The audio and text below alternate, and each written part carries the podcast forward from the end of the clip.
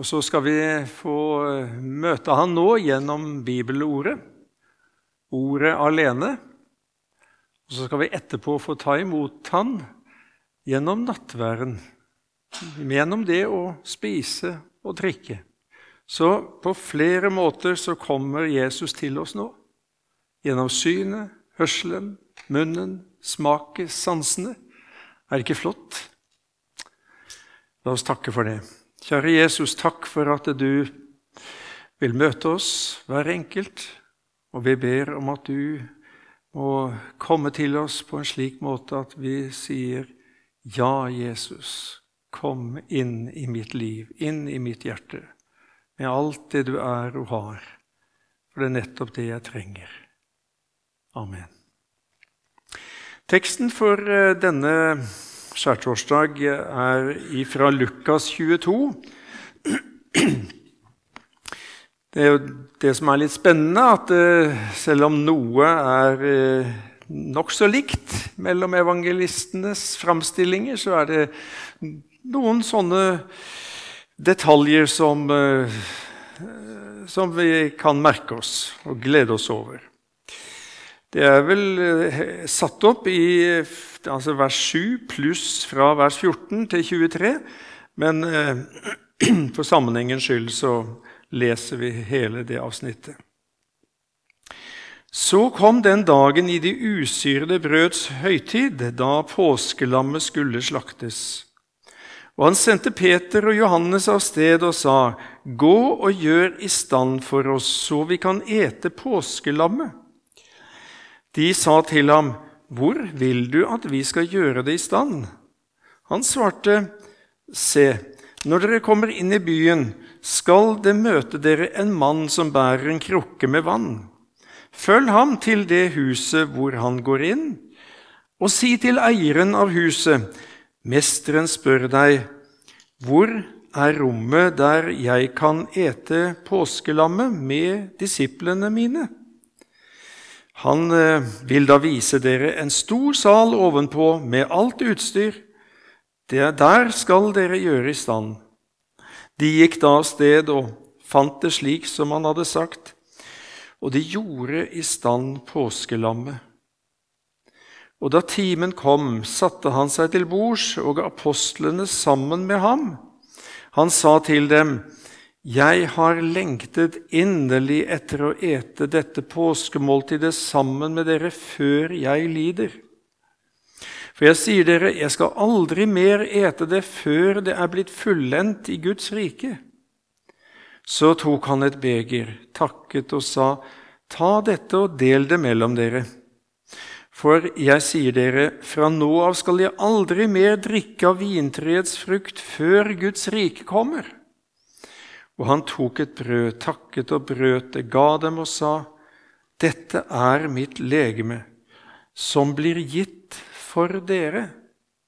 Gjør dette til minne om meg. Likeså tok han begeret etter aftensmåltidet og sa:" Dette begeret er den nye pakt i mitt blod, som utgytes for dere. Men se, Hans hånd som forråder meg, er med meg over bordet. For menneskesønnen går nok bort, slik det er bestemt, men ved det mennesket som forråder ham. Da begynte de å spørre hverandre om hvem av dem det kunne være som skulle gjøre dette. Ja, det er dramatikk, men det begynner med å understreke at de er kommet til den første dagen i de usyrede brøds høytid. Og det usyrede brøds høytid den varte i sju dager. Men det begynte om kvelden, på den kvelden som vi kaller sederaften.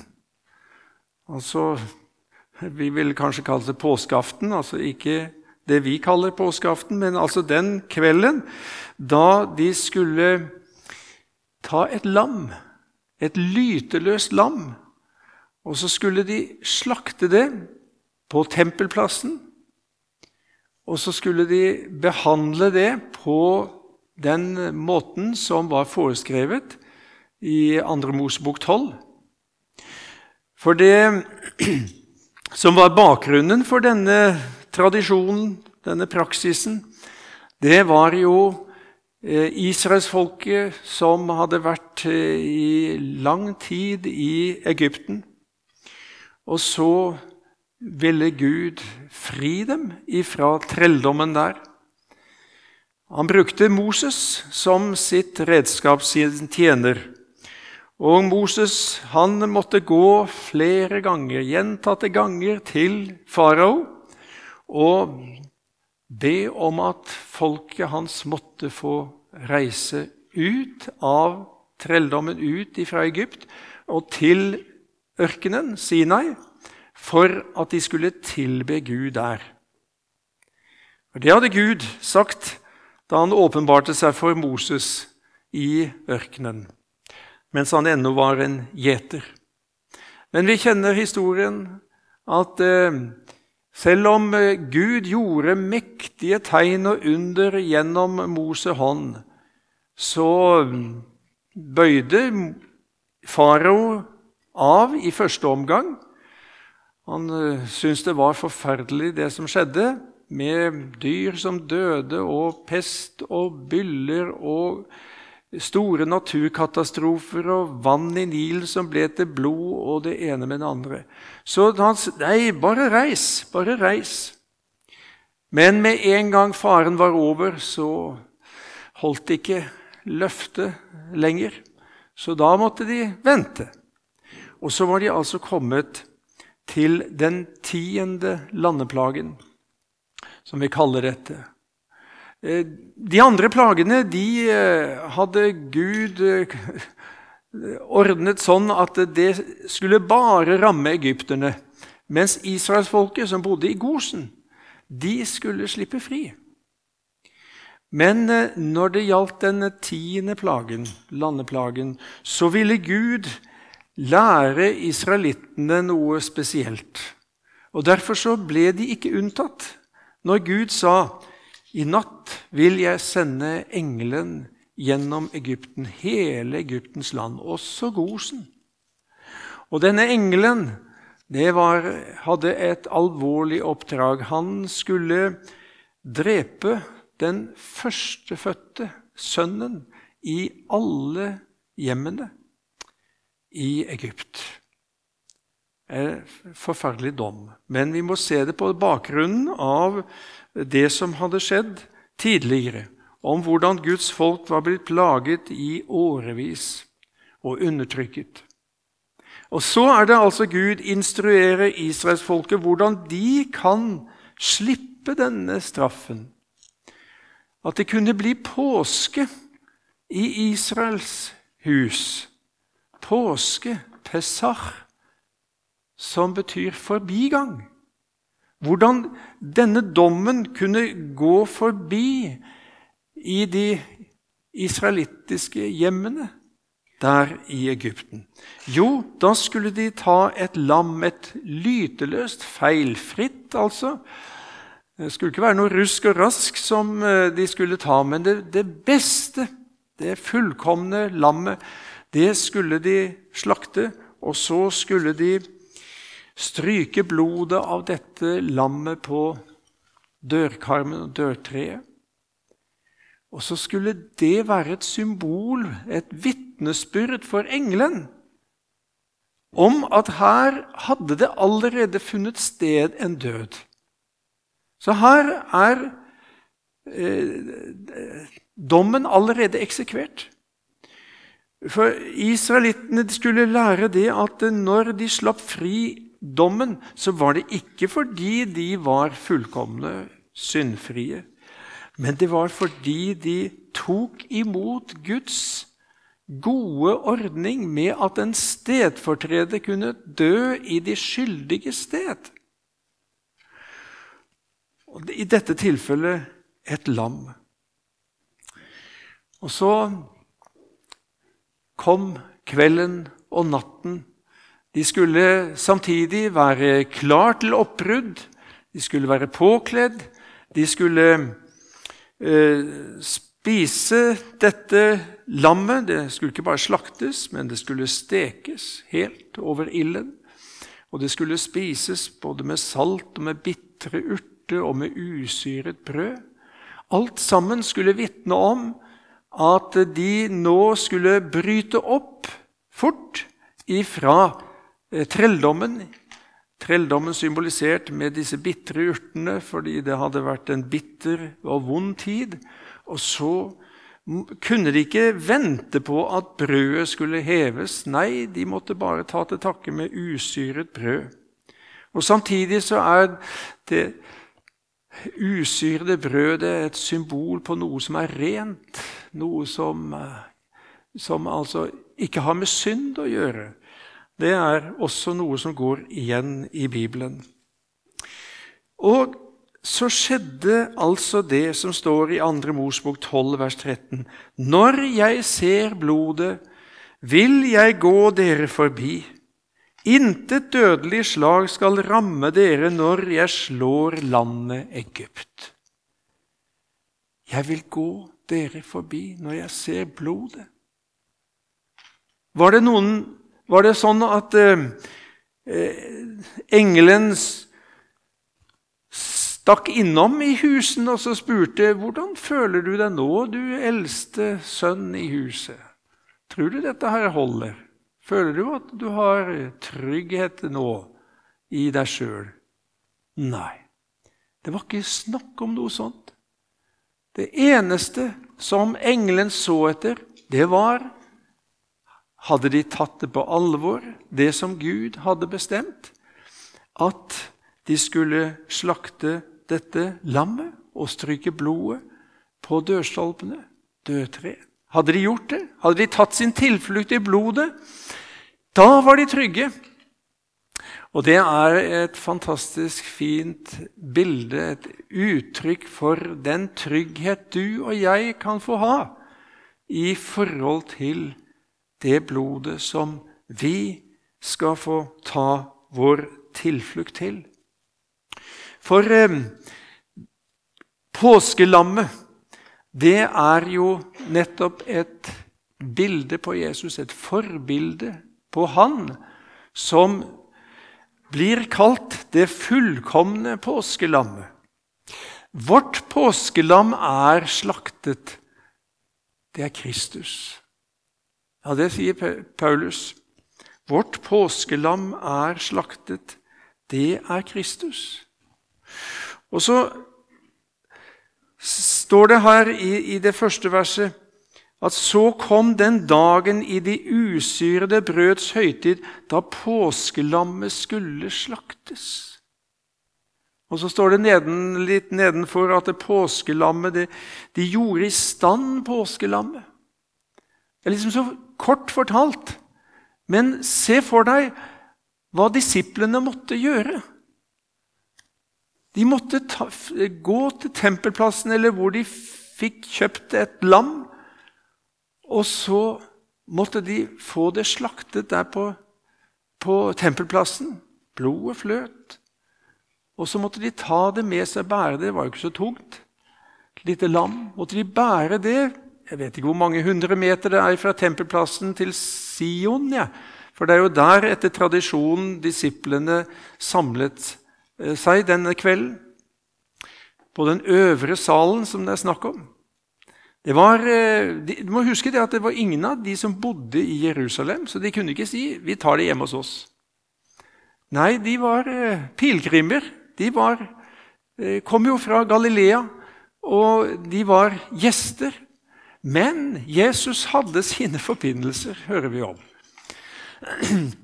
Det var Peter og Johannes som tok initiativet til å spørre om hvor de skulle feire påske. Og så kommer Jesus med spesielle, dette spesielle signalementet. Du skal gå inn i byen, og så skal du se en mann som bærer på ei krukke. Så skal du følge han. Ja, men det var det ikke hundrevis av menn som bar vannkroker på hodet da? Nei, det var ikke det. Det var veldig få. For hvem var det som bar vannkroker til vanlig? Jo, det er jo det vi ser fra Afrika i dag. Det er de rakryggende kvinnene. Ja, Det er derfor de får så rake rygger. vet du. Jeg skal ikke anbefale dere å begynne å bære noe på hodet. Men, eh, men det at en mann bar en vannkroke på hodet, det var noe spesielt. Han hadde sannsynligvis sin bakgrunn i en spesiell jødisk sekt som eh, hadde hovedsetet sitt nede ved Komran, som ble kalt for esseere. Esseere det var altså noe som tok eh, jødedommen spesielt alvorlig og var opptatt med skriftene. Det er jo der nede de har funnet disse eh, skriftrullene. Eh, som er veldig verdifulle. Ifra, det var fra 1948 og utover, tror jeg. Men disse mennene de, det var et mannssamfunn.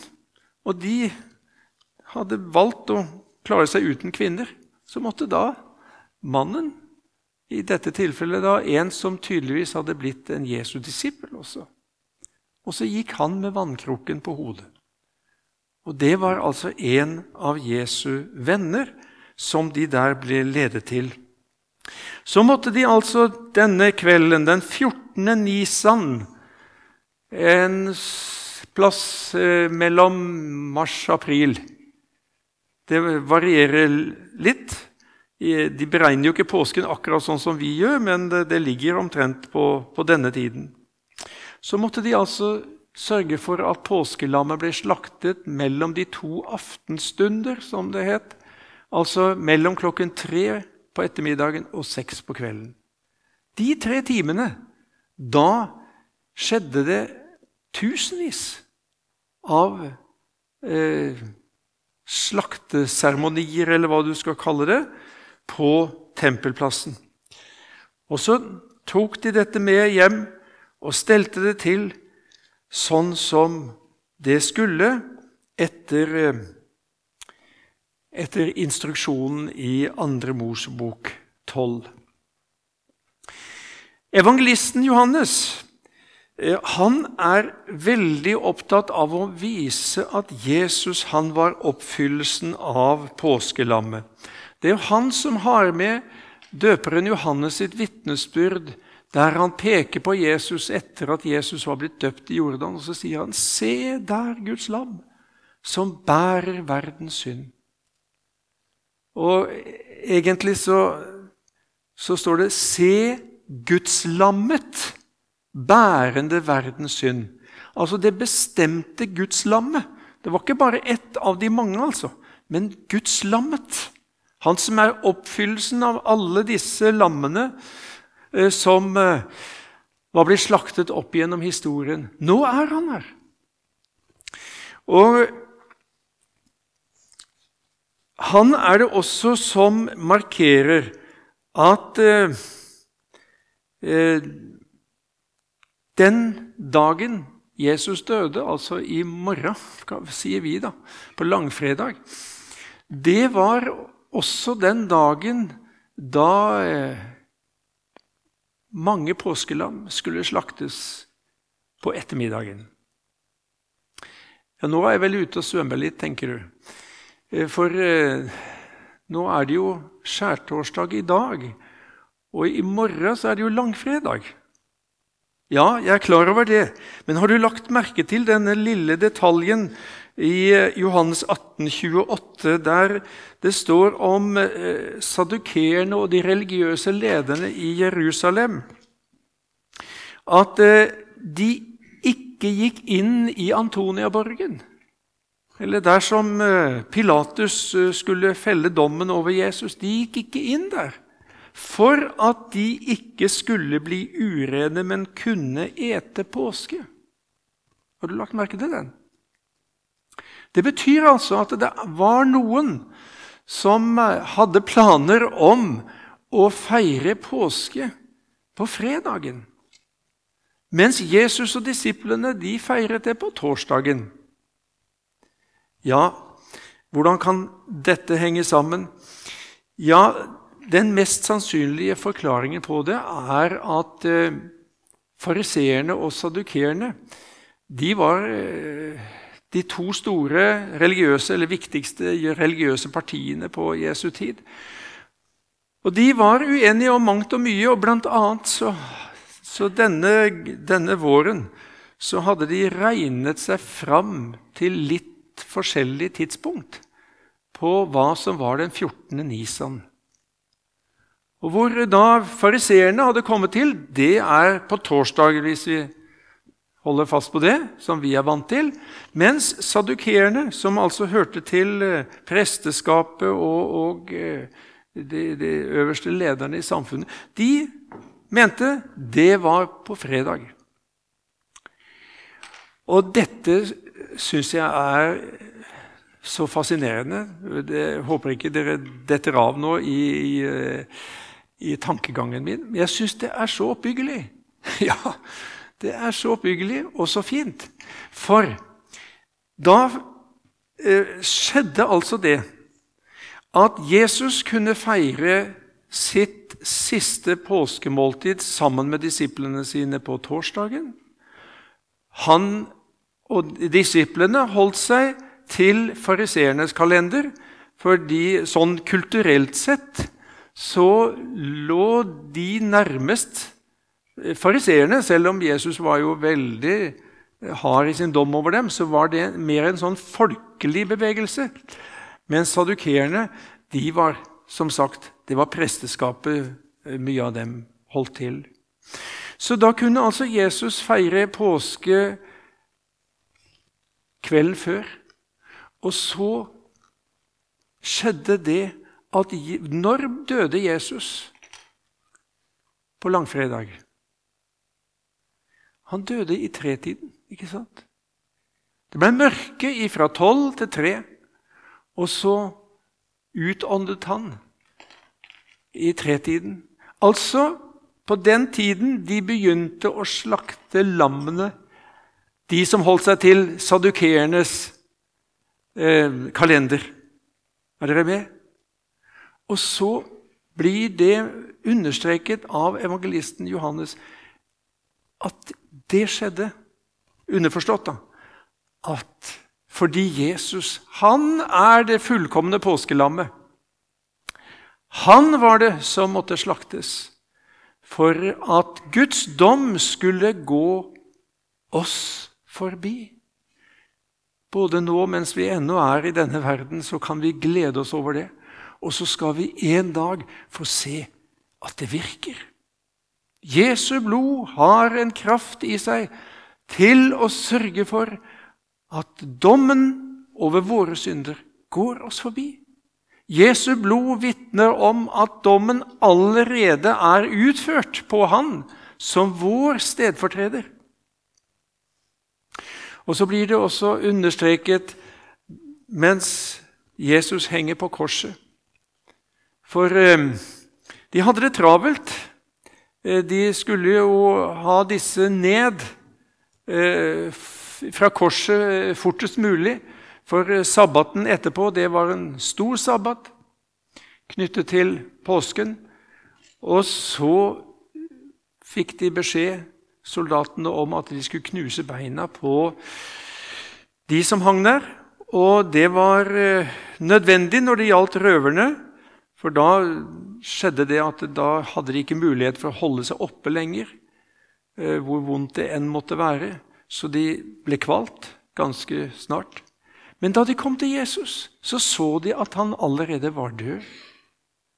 Og så brøt de ikke bena hans, men de stakk spydet opp i siden, og det fløt ut blod og vann, et signal om at han var virkelig død. Og Blodet hadde allerede begynt å koagulere, eller hvordan jeg skal si det på lekmannsvis. Og så ble det tydelig at eh, han virkelig var død. For det, eh, det har jo blitt problematisert seinere at eh, Jesus var bare skinndød, eller noe sånt. Nei, han var virkelig død. Det vitner dette om. Men hvorfor? Jo, for dette skjedde for at Skriften skulle bli oppfylt. Ja, ikke et ben skal brytes på ham,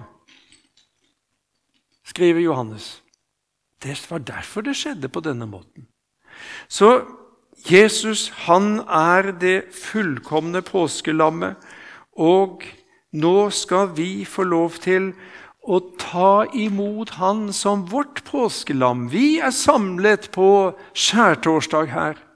Vi skal om noen minutter så skal vi feire påske med den nye paktens påskemåltid, med nattværen. Og så skal vi få lov til å ta imot Jesu legeme, Jesu blod, og så få takke for at han ga livet sitt for oss, for at Guds dom skal få gå oss forbi, slik at vi ikke blir dømt. Hør hva det står i 1. Johannes brev 5,24. Det er Jesus som sier det. Sannelig, sannelig, sier jeg deg, eller dere, nå taler han med guddommelig myndighet. Hør etter. Den som hører mitt ord og tror ham som har sendt meg, han har evig liv. Han kommer ikke til dom, men er gått over fra døden til livet. Du som tror på Jesus, du er gått over fra døden til livet. Det er ikke bare noe du kanskje kommer til å oppleve en gang. Men du er allerede fra første øyeblikk du trodde på evangeliets ord om Jesus, så er du gått over fra døden til livet. Du hører med til det evige livs virkelighet, enda du lever fortsatt i denne dødens og syndens verden. Ja, Gått over fra døden til livet.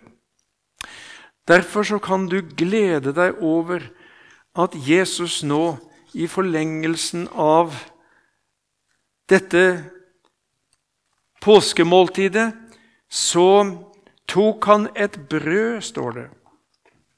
Takket og brøt det, ga dem og sa, dette er mitt legeme som blir gitt for dere. Preposisjoner er veldig viktig på norsk. Og De er litt kompliserte, så det opplever vi med de som skal lære norsk. De sliter litt med det. Men hva, hvilken preposisjon var det som var viktig her? Ja, Nå er vi ikke i klasserommet, dessverre, så, så jeg får gi svaret sjøl. Ja, jo, det var for dere. En kunne jo nesten tro Ser du Jesus han har et brød, bryter det. Det er et helt brød i utgangspunktet, og så bryter han av en bit. Og så gir til den første, og så sier han dette er mitt legeme som gis for Eller blir gitt for dere. Skulle nesten tro at det blir gitt til dere. Ja, og det er jo også sant, da. Men det viktigste for Jesus er denne preposisjonen 'for'. I stedet for, altså. Vær så god, her får du en bit av meg. Mitt legeme, min kropp.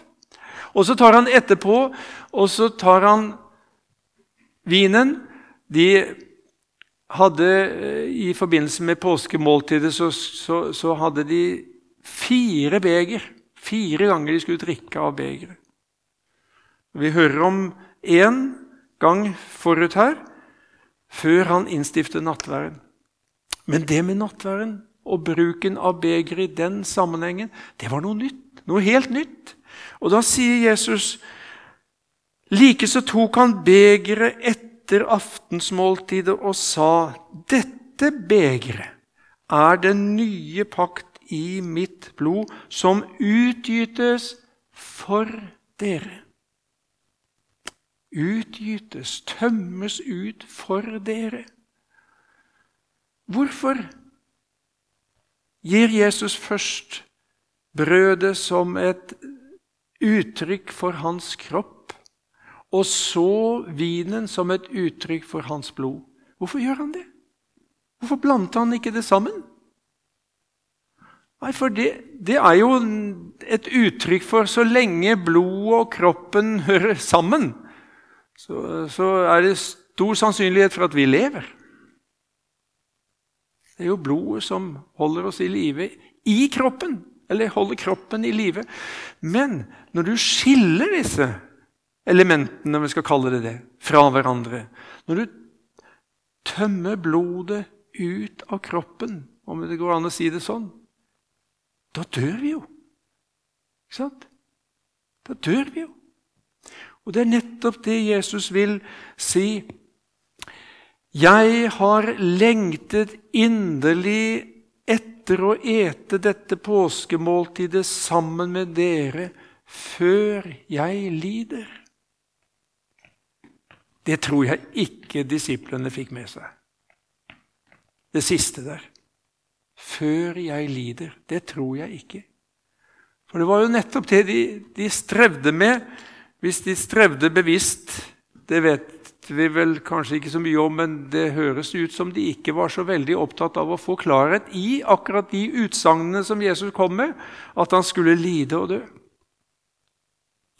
Og stå opp igjen. Men Jesus visste det. Jesus visste at nå var det siste påskemåltidet sammen med disiplene sine. Og så mye menneske var Jesus at han trengte dette fellesskapet med de næreste vennene han hadde. Han trengte det før han skulle gå inn i lidelsen for alvor. Og Så forteller det oss noe om hvor viktig også nattverdfellesskapet, dette nye paktens påskemåltid, er for oss. Vi trenger det. Det er ikke det samme, selv om ja, Nå blir vel ikke det, akkurat det jeg sier her nå, tatt opp. Og så kan det bli lagt ut eh, etterpå på, eh, på, på eh, ressursen eh, under Salem. Det er mye fint som ligger der, forstår jeg. Men det blir ikke det samme å bare sitte og høre det hjemme. For nå ser vi hverandre, nå er vi sammen. Selv om vi ikke sitter rundt et, et skikkelig stort langbord, så er vi til stede og får oppleve velsignelsen med å se hverandre, høre hverandre, møte hverandres smil og gode ord. Velsignelsens kalk som vi velsigner, er den ikke samfunn med Kristi blod? Ja, må vi si. Det er det. Det er samfunn med Jesu blod. Det betyr at gjennom nattverdens element, vinen, så kommer Jesus til oss, og vi får del i virkningene av hans blod som ble utøst for vår, våre synder.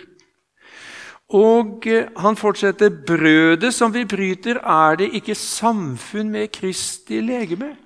Jo, må vi si. Det er samfunn med Kristi legeme.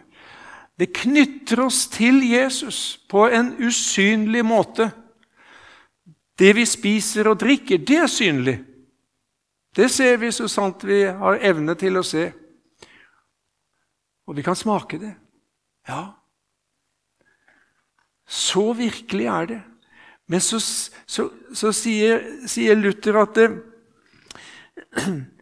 i og med og under brødet og vinen så kommer altså Jesus til oss. Det er vår Herre Jesu Kristi sanne legeme og blod under brødet og vinen, innstiftet av Kristus selv, for oss, for at vi skal ete og drikke det. Derfor sier vi det at eh, nattværen er mer enn et nådemiddel. Et nådemiddel er jo et middel, et redskap som Gud formidler Guds nåde til oss. Det er et sakrament. Definisjonen på et sakrament er en hellig handling som er innstiftet av Jesus, og som formidler Guds nåde til oss.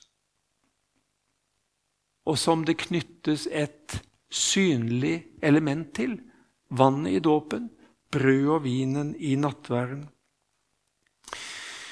Hva får vi i nattværen? Ta med det også ifra Luther. Det ser vi av disse ordene, sier han. Det gis for dere, og det utgytes for dere til syndernes forlatelse. Jeg er så takknemlig for at jeg skal få lov til å ta imot nattværen og få vite det, at det er ikke jeg som handler det er ikke min prestasjon, det er ikke mine bønner knyttet til nattverden som er løsningen, men det er Gud som handler, og som gir meg av sin nåde på en så konkret måte.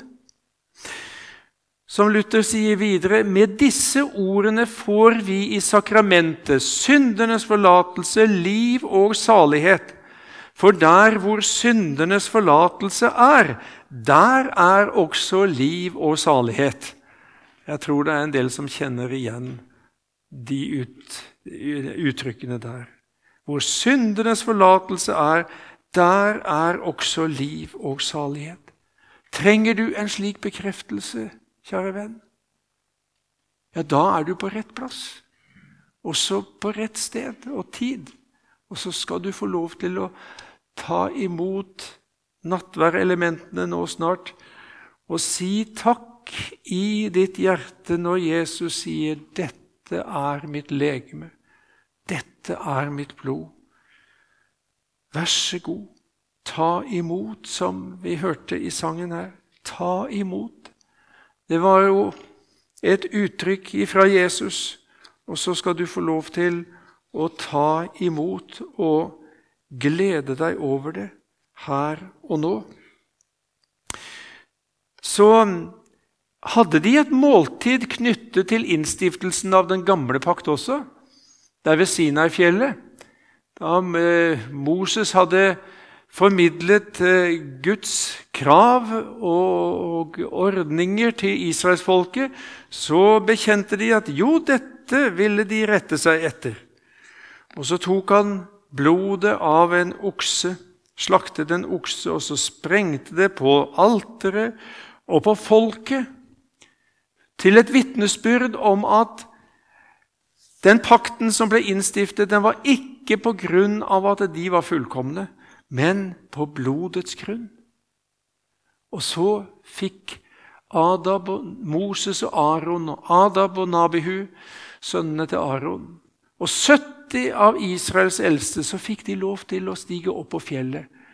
Og så står det de skuet Gud og åt og drakk. Tror dere de hadde noe å fortelle når de kom ned igjen?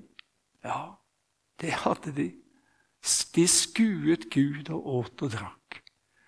Og så skal du få lov til å oppleve det samme nå.